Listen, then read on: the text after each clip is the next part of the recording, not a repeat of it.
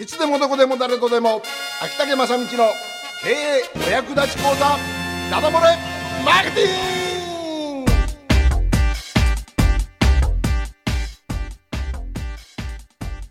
さあ6時を回りました。FM 北九のスタジオから生放送でお届けしております。関門独立共国。お相手は羊年の羊坂井健とそして関門独立共和国初代暫定大統領の文字工のバナナマンです。はいということでございましてこの時間、はい。ええーマーケティング講座どんどん進んでおりますが。はい。はい。あのーリクエストが来てまして、えビジュアルマーチャンダイジングっていう話しておりますけど、なかなか、えーどういうテーマで、えー構成しようかというのはまだまとまっておりませんで、はい。えーこれ意外とね 店頭でこういうふうな動線作りましょうとかこれを目立つようにして一番利益の大きいのをやりましょうとかいう話なんだけど、うん。奥深いんですよ。うん。商品企画の段階から。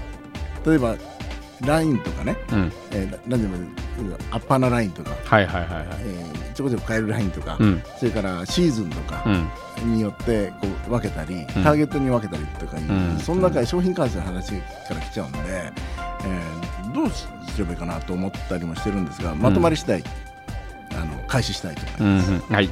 あんまり長々としたくない。テーマそうですね。あのラジオの中でまた紹介する形に直すのは大変ですよね、ええ。うん。ということで、はい。今日はですね、はい。ちょっと私が今熱中しているのがありまして、えープレゼンテーションのうん。私で気づく、私の気づくところえをお話をしたいと、えー最近つくづくですね私プレゼンテーションっていうのがプレゼンですね、うん。えー非常に重要だと思ってましてうん。これのうまくできるできないによってですね、あ本当にやっぱり人生分けることありますよね。あこれは、ね、人生もろに分けますし、はいは補助金はもらったりもらわなかったりでしょっちゅうあることですし、いね、ありますあります。まあさすがにねこの FM 北級の大御所はプレゼントはうん。上手ですよね。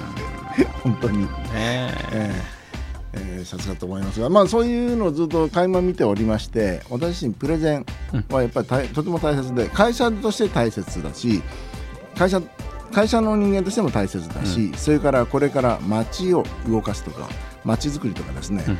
えーそれから皆さんのサンド L って非常に大切だと思っておりまして、うん。えー結構学んでおります。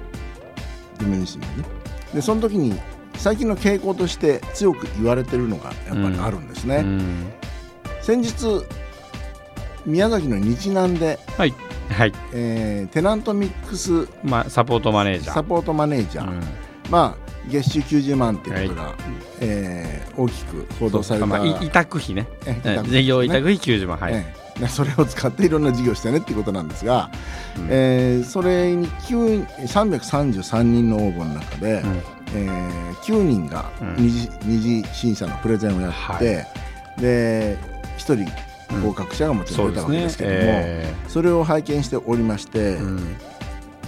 面白いことにですねプレゼンこの中でプレゼンで、うん。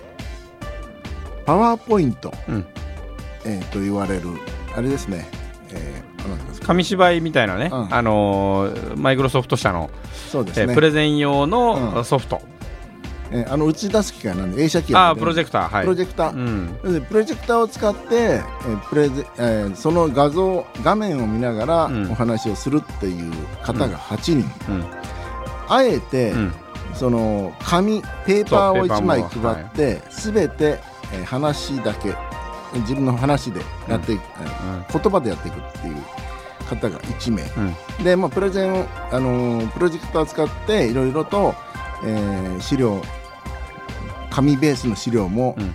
資料というか紙ベースの、えープレゼンこう貼るポスターのようなですね、うんものを作った方がそれ合格したわけですけども、うんでそれを見ててですねやっぱりこのプレゼンっていうのはどんなに立派なパワーポイントを使ったそのプロジェクターを使ったものをやっても、えそこに心が入らないと。だから魂が入らないと、うん、ちょっとどうなんかなと。はいはい。論点がずれるのかなとかそれからいう感じがしてならないわけですね、うん。っていうのをつくづく感じたんです。うん。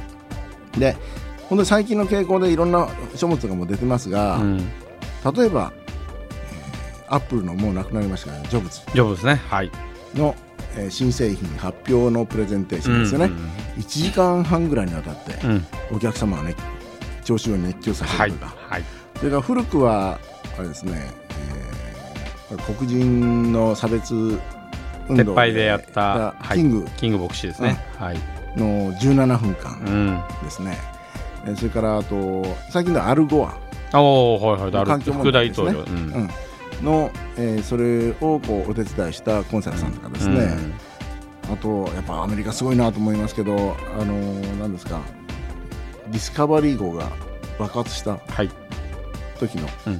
その日の一般教師かなんかの面接を取りやめて、はい。そのあのスピーチライターがすぐ書くんですよね、うん。でレーガン大統領が4分間のスピーチで国内をまとめたとうんいう方ですね、えーそういうのをこういろいろ分析したものとかそれからお手伝いした人とかの本を見てるとですね、やっぱプロジェクターとかそれからパワーポイントに頼りすぎっていうのをつくづく感じですね。ねパワーポイントにその配布資料と同じことを書いてそうそうそうそうそうそう。それ読んでどうするって話うんうん。あなんですね。のー大学の先生とかがね、ええ講師に来るとよくそれやります、うん。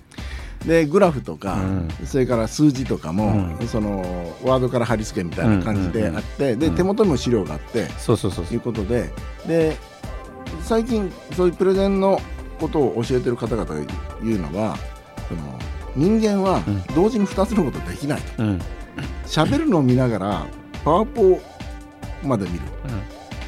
そのなんかな両方を見ることはいははい。無駄なことだし、ん。それとそ、ね、画面の方ばっかり、うん。スライドの方ばっかり見ながら説明してるって一番眠たくなるじゃんって話ですよね。で業績発表会とかも、はいはい。それから学術論文とかもそっち系が非常に多いということで、うん。まあ、そんな中で本当に、えー成果を上げてるっていうか楽しい、えーものはやっぱジョブズとかね、うん。えーその辺は実はそこには綿密な、えー組み立てと。そそうですよね。して、まさに、えー多くの練習。うん。演劇みたいな感うん、ショーのような感じですもんね、ええあでやってるのうまい人のプレゼンっていうのはね、じでうん。上手い人のプレゼンっていうのはやっぱツボがあって、うん。何を伝えたいのかうん。聴衆に何を伝えたいのかってそのキーになることがあってそしてなぜ必要なのかうん。というこの2つがまずしっかりしてる。うん。だから軸ぶれてない。うん。でプレゼンをこう作るときに一番苦労するのは何かっていうとまた辛いものは何かっていうとカットする作業はいはいはい。そうですね。言いたいことを、うん。あのそぎ落とす、そうですね、うん。詰め込みすぎがほとんど失敗を招くってうんいう話で、えーとにかくカットする作業が大変だっていうことそれからあのパワーポイントを使うときにこれはやっぱマイクロソフトの責任が大きすぎる えともともとパワーポイントっていうのはあれはアップルの Mac のために生まれたらしいですね。そうですそれを作っ Mac のうん。ハイパーカードの上位版なんですよ、うん、でハイパーカードっていうの自身がもともとはその画面でプレゼンできるように、うん。っていうふうに組まれたものなんですよね、はいはい。えそれが、えーの権利が、うん。その商品をマイクロソフトに売っちゃったもんで、はで今私たちがこう開きますと、うん。えーマイクロあのそのマイクロソフトのそのうん。パワーポイントを開きますと、いきなりテンプレートが出てくるんですね。そうそうそうそうそう。ねえーマーケティング戦略のプレゼンですか、はい。はい経営戦略ですかとか新商品開発ですかっていうのが出てきて一番上に大概タイトルがあって、うん。その下にこう画像とかテキストを入力しなさいっていうよう。な枠が出てきてあの形ね。うん、それが出てくるんでみんなそれを使うもんだというか、はい。えーそれを使ったらうまくできますよってもう教育されてるからそれを使っちゃうんででいきなりプレゼン資料を作りましょうって言った時に「いの一番パソコンを立ち上げるっていう人が多すぎる」うんうん。っていう話なんですね。で実は、えー私たちがうん。今まちづくりでもやっておりますああいうワールドカフェといううんううんブレインストーミングとか、うん。えーそういうものですね、えーこういうのをアナログからとにかく入った方がいいよってなそうそうそうそう。ねそしてそれをまとめ上げてストーリー仕立てにして、うん。それからそのままか腰が固まってから始めていきましょうと、うん。ああのパソコンに向かいましょうっていう感じなんですが、でとにもかくにもそのパワーポイントを使いすぎるっていうのがまず第一、でそうじゃなくてもそれがなしでもいい。あるいっていうのはですねもしそのこれパワーポイントを使っててよくあるんですよ。電源が切れていたとか、うんうんうんそれからパワーポがうまく動作しなかったうんうんすいません。でもうちょっと調子が悪くてパソコン調子が悪くてよくある話なんですね、うん。だからそれが慣れたっていうかやっぱり本物はあ OK じゃあ今回はスライドなしで OK ですって言って、原稿を見ずにガンガン喋れるわけです。そうそうそうそううんでその辺がなくてもう全てそのレジュメ通りにやんなきゃいけないという、えーこういうのがですね非常に多いのでそれはやめましょうという、そうですよね。やっぱジョブスとかね、うん。キング牧師とかはそうそうそう原稿あるんですけどあるんだけどもう自分の言葉になってますもんね、うん。いやそれはでも秋崎さんもそうでしょ？私は基本。あんまり原稿があると喋れない方なんで、うんうんうん。逆に喋れないのでその代わりですねやっぱり私の話もすっごいやっぱ落ち度あって、うん。えーよく言われるのが話が飛びすぎてわけわからんと。いうふうになっちゃうわけですね。え。でこのストーリーもですねがえーまあ、15分であったり1時間であったり、うん。一番難しいのはやっぱ5分3分。えああそうですね。俳句の世界ですね、うん。難しい。これが10分になるとラッキーだし15分だったら OK だし1時間になったらもう何もしなくても大丈夫みたいな世界になるわけですよね。無駄話いっぱいしていいわけですから。うん。でこのストーリー構成なんですがやっぱ3部作がよろしいと言われてます。うん導入部分とはい。それと真ん中、まあ、映画とかと一緒ですね、うん。えー導入部分とそれからえー中間と終わりと。で最後はあのジョブズの場合はおまけコードと言われるものをつけるのあ一つ忘れてました。ってはいいうのをつけるんですけどえ大体3部作でいけばいいですよって話で。で一番人をワクワクさせて引きつけるのはコントラストというわけです、うん。えーコントラストっていうのはですね対比ですね、うん対比葛藤でもあったりしますけど、うんうんえーまあ、敵を作ることもコントラストの一つですけど、うん。例えば、えーなんですかね。映画の「スター・ウォーズ」のうん。悪のこうはいはいはい。帝あ国うん。とそれとこっちうん。のねえのまさしくコントラストえですよね、うんうんうん。悪と善ですはい。例えば今キング牧師の場合とかだったら今私たち黒人はこういう扱いをされている。こういうふうな世界で生きている、でもこれから未来は違うんだっていう。この今とですね未来、うん。今と未来、うん。今と未来。うん。例えば関門海峡地区は今現在こうなっている。ところがこれから10年後変わります。うん。というような。そしてまたこっちに戻ってくる。で実際今でも現状難しいこともたくさんあるかもしれないかもしれないでも必ず将来これはっていう未来を見せてやる。うん。でまた戻ってくる。うことでこのコントラストの行き来行き来ですね。でこれが実はすごくお客様あ聴衆のえ心を引きつけていくんだうんっていうことですね。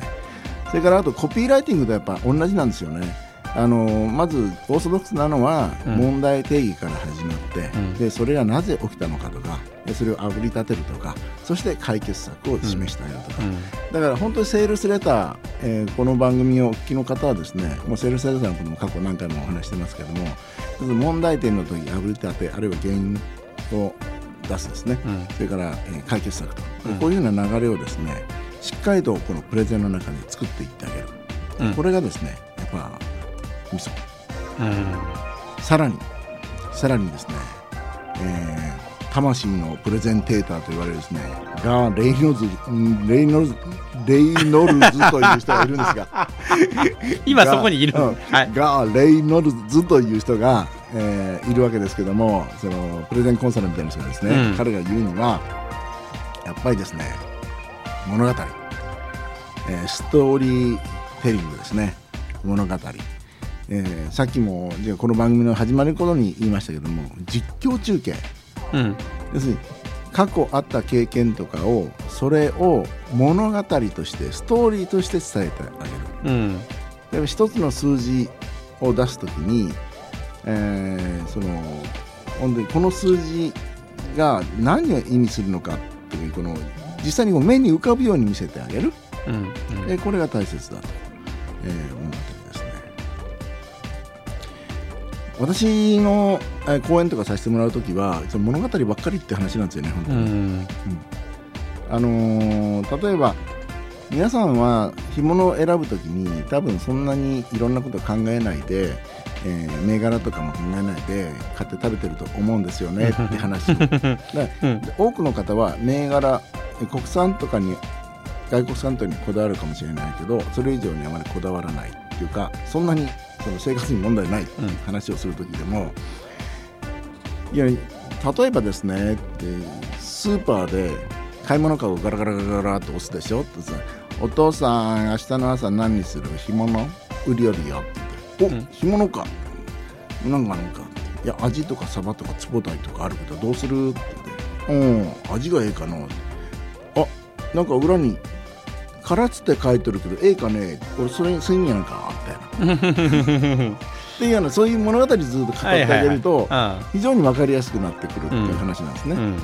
だからあのプレゼンも時間があるんであればできる限り物語をですね入れてあげた方がいいんじゃないかっていうことなんです、なるほどね。うん、まああのー今私も実は必要に迫られて改めてうんプレゼンを学びたいと。この日南でですね私の友人が、うん。えー残念ながら、えー選抜されませんでしたけど、まあ最後の最後までね行きましたけどね。でも非常に面白いプレゼンだったはい。私もあれはもうね何度も見ました。ええ。あのあのねだ皆さん参考にしたいと思ったら、うん。多分今回うん。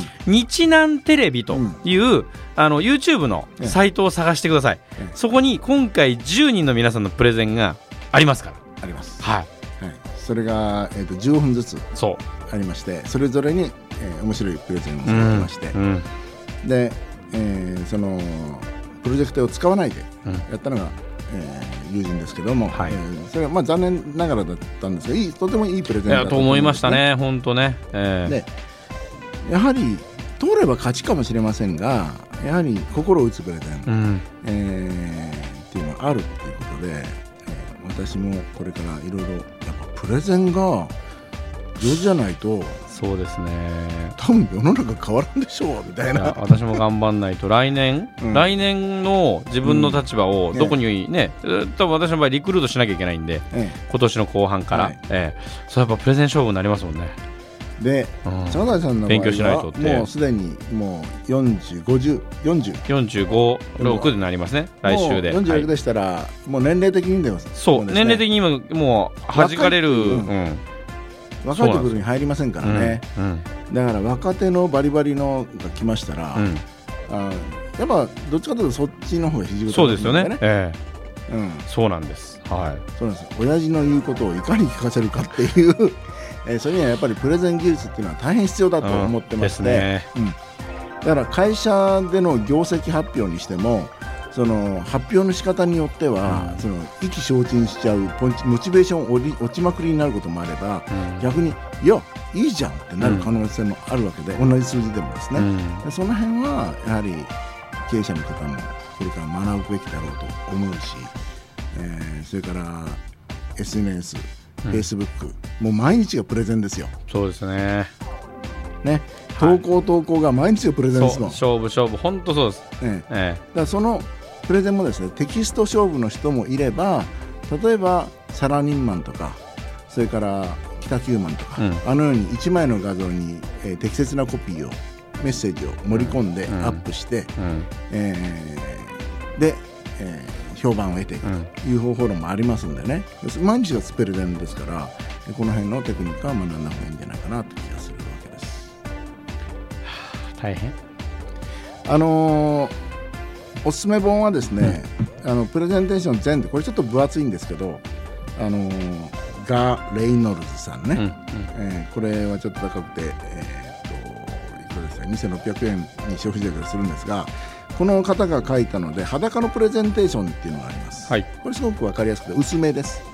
少し薄めです、うん。えーそういうのを読むとうーん要するに、えープレゼンの、えー書類作りひな形書とか それからスライドひな形書とか、えーそんなんよりもえーまずこういう精神というか考え方、そっちの方を読まれた方がいいかなという気がします。